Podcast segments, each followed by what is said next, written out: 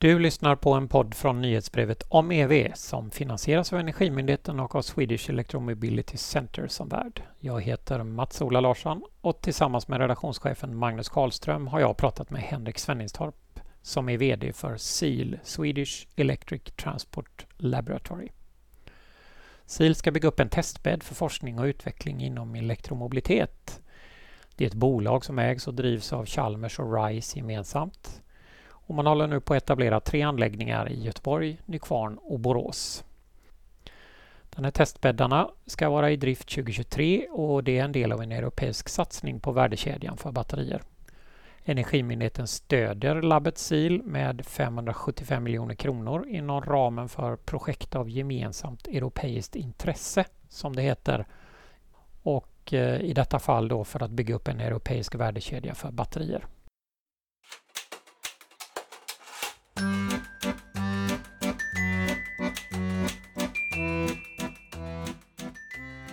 Ja, hej och välkommen till podden om EV, Henrik Svenningstorp. Vem är du? Ja, tack. Ehm, Henrik heter jag och eh, har en bakgrund inom automotive eh, större delen av mitt yrkesverksamma liv. Men sedan 2017 har jag jobbat med eh, SIL som ju står för Swedish Electric Transport Laboratory. Sen knappt år är jag VD för detsamma.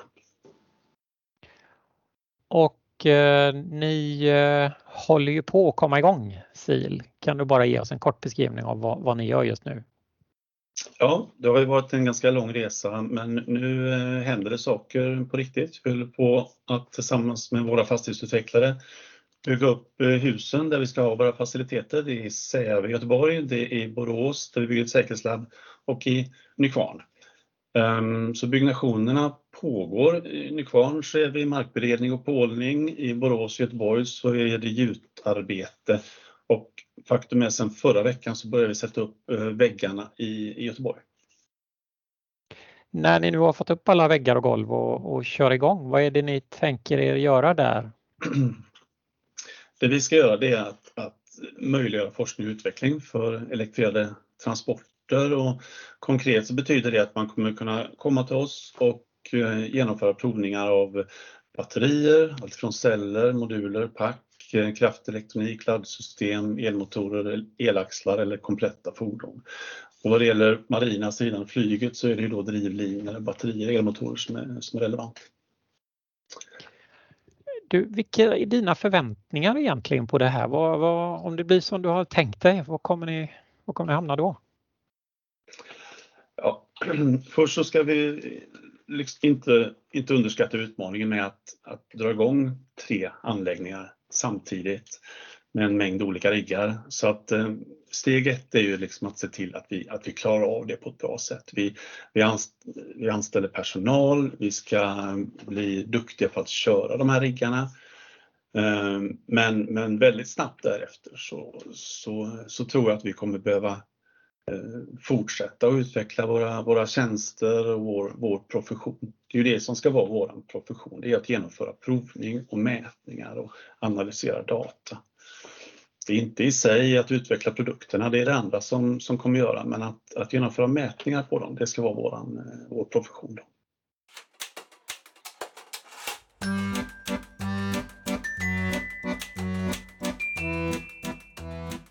Och, och, vilken roll kommer ni att spela i det här fordonsbatterisammanhangen som nu växer fram? Med?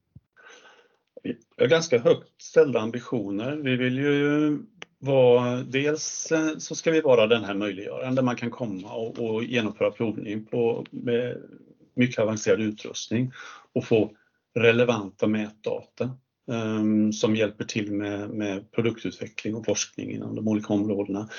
Men vi vill ju också vara en, en, en mötesplats så vi har ju designar ju nu byggnaderna på ett sätt så att vi ska kunna vara avsevärt fler människor där än vad vi har anställda hos oss till exempel. Och vi har, vi har utrymmen för att kunna möjliggöra utbildningar eller den typen av aktiviteter. Så att det har vi, har vi med från start. Vi har ju i vår bolagsordning uppstyrt att vi ska stötta små och medelstora företag och så vidare. Så vi kommer att ha aktiviteter i den, i den riktningen. Vilken typ av provning kommer ni att kunna göra i säkerhetslabbet i Borås då? Faktum är att säkerhetslabbet i Borås är kanske den mest unika av anläggningarna för där kommer vi kunna genomföra förstörande provning upp till eh, kompletta personbilar. Eh, och vi kommer ha en, en rökgasrening där som ser till att vi gör det här på ett miljövänligt, sunt sätt. Och det, det är tämligen unikt i Europa idag. Vi kommer kunna skaka eh, batterier i en stor skakrigg och hantera upp till eh, närmare 3 ton.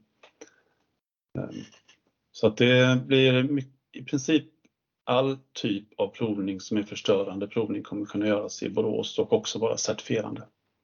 Men du, ni vänder er ju delvis till en, en bransch som är stor, kapitalintensiv, teknikintensiv, som redan har egna muskler. Eh, så att säga. Vilken blir er roll om man tänker i det där lite stora perspektivet, då, de stora fordonstillverkarna och deras eh, samarbetspartner kring batteriutveckling?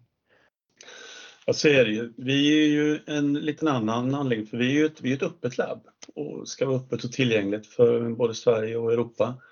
Ehm, så att hos oss ska man ju kunna eh, komma och allra helst om vi lyckas bra så kommer vi ha med oss de stora. Vi har ju, vi har ju ett, våra eh, stora OEM som garantikunder med Volvobolagen och Scania och Sevt.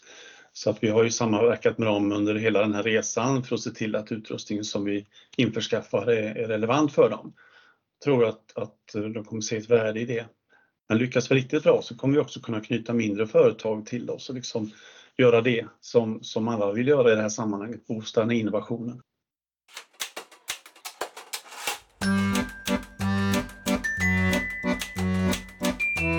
Det är Magnus här och jag undrar lite hur, hur liksom ska man komma in som mindre företag för att komma in i den här processen? Jag tror att vi kommer eh, aktivt behöva jobba med hur vi möjliggör för små företag att komma in. Och det finns ett antal olika sätt. Man kan ju, vi kan ju vara de som hjälper till att eh, hjälpa de mindre företagen att eh, hitta pengar för att möjliggöra sin egen utveckling. Vi kan också gå ihop i olika projektformer då mm. ifall att det är områden där SID har eget intresse i att forska. Jag tänkte, du sa ju det här med garantikunder eller industripartner, att de jobbar mycket med OEM och det innebär väl i praktiken att de köper labbtid en viss tid eh, sådär. Men så undrar man ju hur, hur mycket är öppet i procent liksom för att hur mycket är beläggningen då? Vi, vi fick hjälp av EU att definiera det här. För vi hade, vi hade krav på oss. Vi ska vara ett öppet och tillgängligt mm. Mm. Så att uh, ungefär 50 procent uh, är det som vi har kunnat garantera våra garantikunder. Mm. Och vi får inte, skall inte bli ett helt uppbokat labb som inte är tillgängligt för andra, för då har vi inte riktigt gjort vårt, vårt jobb. Då. Så det är en balansgång där mellan att vi självklart vill ha ordentlig beläggning för att, för att se till att vi, att vi går runt. Ehm, för vi tar emot statsstöd här för att göra detta till en del. Ehm, men det är under etableringen. Därefter tar vi inte emot något eh, övrigt stöd. Mm, Utan då står vi på egna ben. Jag tänkte det är ju det här att fylla upp de här 50 procenten så, eller jag, jag kanske var lite naiv, men jag tänkte att det var liksom svenska aktörer först, men det är givetvis att ni är internationella och då undrar jag lite hur, hur jobbar man med kunderbjudandet internationellt så man blir konkurrenskraftig mot alla de här labben som finns på Europanivå? Ja, det finns ehm, den rakaste vägen det är att vi adresserar de som fick godkänt att ta emot nationella medel samtidigt som oss. Vi, ehm, vi fick ju det här regelverket, det heter ju Important Project of Common European Interest. Ehm, och vi var ju tillsammans med sex andra nationer och 16 andra bolag som fick det här godkänt samtidigt. Och här har vi ett antal spelare som vi, eh, som vi har sagt att vi ska samarbeta och samverka med. Ehm, fyra av dem har vi dialog redan nu och då är det primärt forskningsområden och gemensamma forskningsintressen då. Ehm, men det är klart att vi också kommer kunna tillhandahålla provningstjänster åt dem. Då.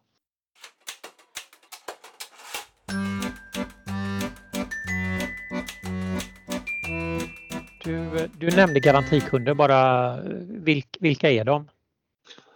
Det är våra Volvobolag Volvo Cars och AB Volvo, det är Scania och det är Sevt.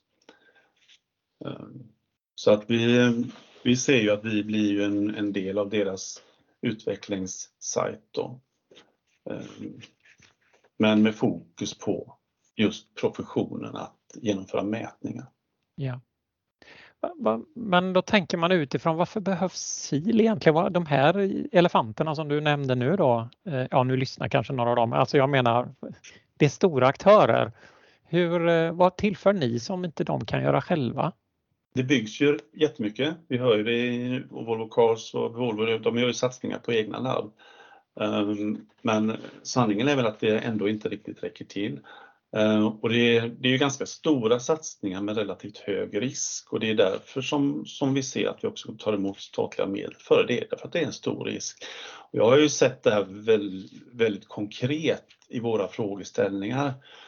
Hur, hur kommer batterierna se ut om, om fem, sju år från, från nu? Hur stora kommer de vara? Vad är det för strömnivåer? Eh, det, här, det här får man ju lyssna in och lära så mycket man kan. Men syvende och sist så får man göra ett val och lägga rätt mycket pengar på att köpa utrustning. Ehm, så det finns en, en risk med det. Men sen är, tror vi och är övertygade om att det finns ett värde i det att vi faktiskt är ett öppet land och kan, kan vara en opartisk spelare och, och ha, jobba mot flera aktörer samtidigt. Jag är lite nyfiken på just den här frågan att göra framtidssäker testning av det här området. Vi har ju privilegiet att följa området. Det är ju inte så lätt alltså. Det går ju fort i alla möjliga kanter. Så jag undrar hur du tänker runt det här Henrik? Ja, men det, det, är, det är en jätteutmaning. Um, det, och vi kan ju, kan ju säga att under den här resans gång som vi höll på så har vi gjort modifieringar. Så vi har ändrat eh, liksom, spänningsnivåer och tro på hur stora battericeller kommer att bli framöver under resans gång. Så det, och det, sen finns det andra saker som är lite mer fundamentala sanningar som, som, som moment och varvtal och effekt och så. Så länge vi kör omkring på saker som, som rullar eller så länge som propellrar roterar så kommer den typen av provutrustning förmodligen att vara relevant. Även om vi kanske behöver byta ut sensorer och mätdatorer om, om x antal år. Va? Ehm, men, men pekar man på utmaningen i att hålla det framtidssäkert så är det förmodligen på batterisidan som är det tuffaste. Hur håller ni eh, fingret i vinden där då? Hur försöker ni ha koll på vad efterfrågan kommer att vara? Du nämnde ju själv några fordonsaktörer men batterier byggs ju ofta av, ja, de sitter i fordon som de här tillverkarna säljer men själva batteriet gör ju ofta kanske i samarbete med dem med någon annan. Nej, vi, vi, har ju tagit hjälp av, av eh, forskarvärlden. Um, vi har haft diskussioner både med Uppsala, KTH, Linköping, Chalmers och Lund i det, i det här arbetet för att, för att ta in deras kunskap. Vi har förhört oss givetvis med, med ett antal batterileverantörer. Det kanske inte är precis vad de vill göra och berätta sina, alla sina framtidsplaner då. Men vi får ju ställa frågan och, och filtrera. Um, och sen har vi tittat på olika typer av aktörer som kommer att använda batterierna på olika sätt då, för att försöka förstå vad det finns för drivkrafter. Och det, för det är ju en typ av drivkrafter för, för fordonsindustrin eh, givetvis. Så det kan vara aningen annorlunda om det är ett batteri för en, för, en, för en båt eller ett flygplan. Eller om det är ett stationärt energilager. Um, men, men eh, någonstans, man kan samla in all, all, information som man kan eh, tänka på men sen blir det där fingret i luften som du pratar om då.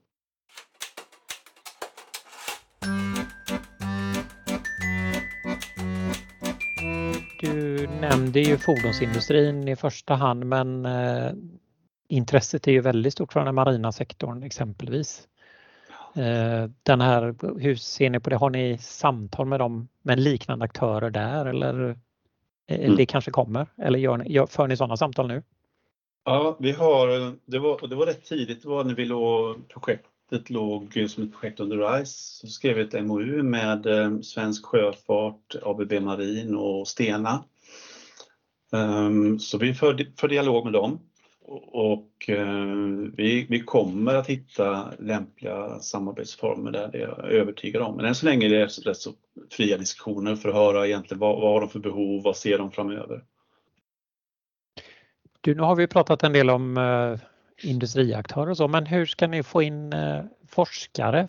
forskning i SIL kommer att vara ett antal olika delar. Dels så eh, kommer SIL ha eh, i mindre omfattning egen forskning.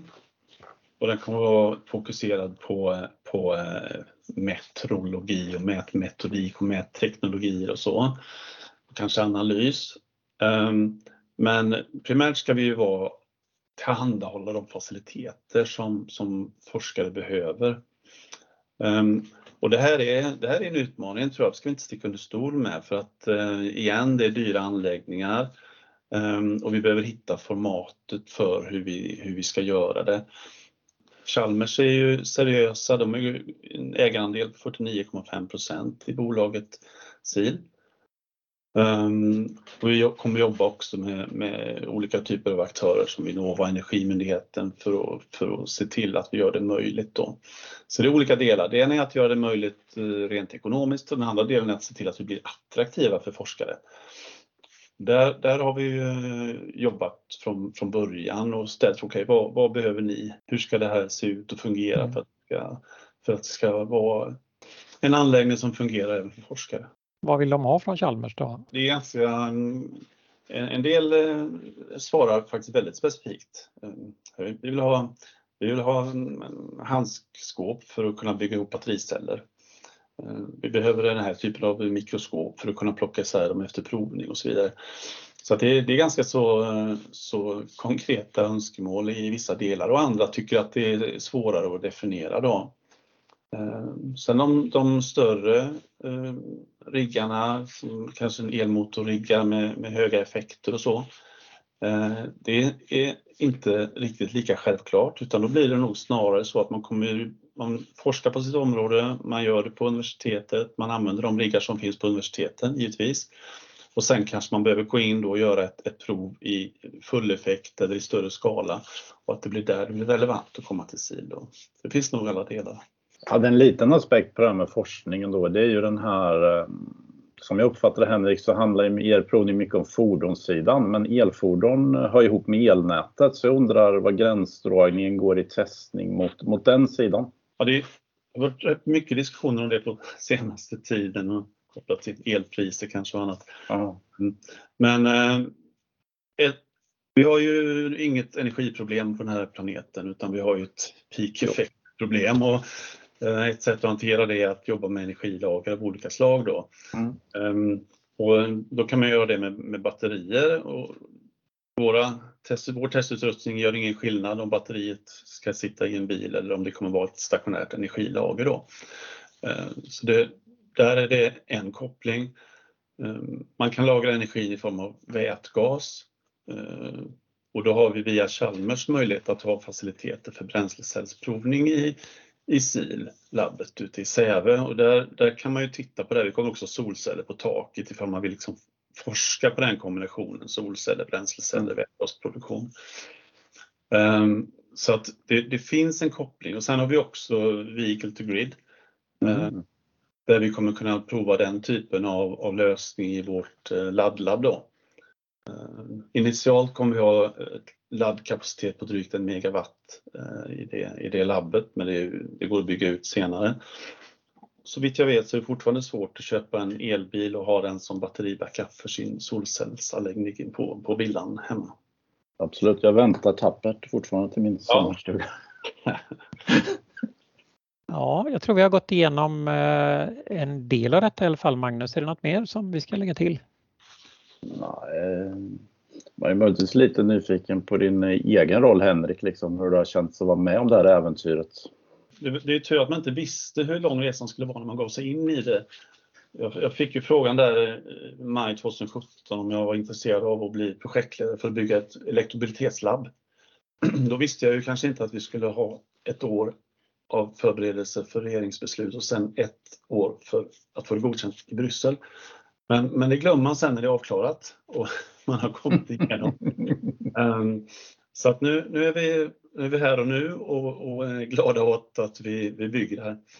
Sen är det, sen är det ju extremt spännande att göra det i den här omfattningen och på, på tre sajter samtidigt och se eh, med sån tidplan som det ändå, ändå blev med vi drog igång på allvar våren 2020 när alla delar var godkända.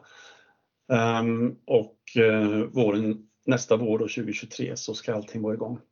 Ja, men då får kanske Magnus Karlström och jag som heter Mats-Ola Larsson tacka dig Henrik Svenningstorp på SIL. Tack så mycket!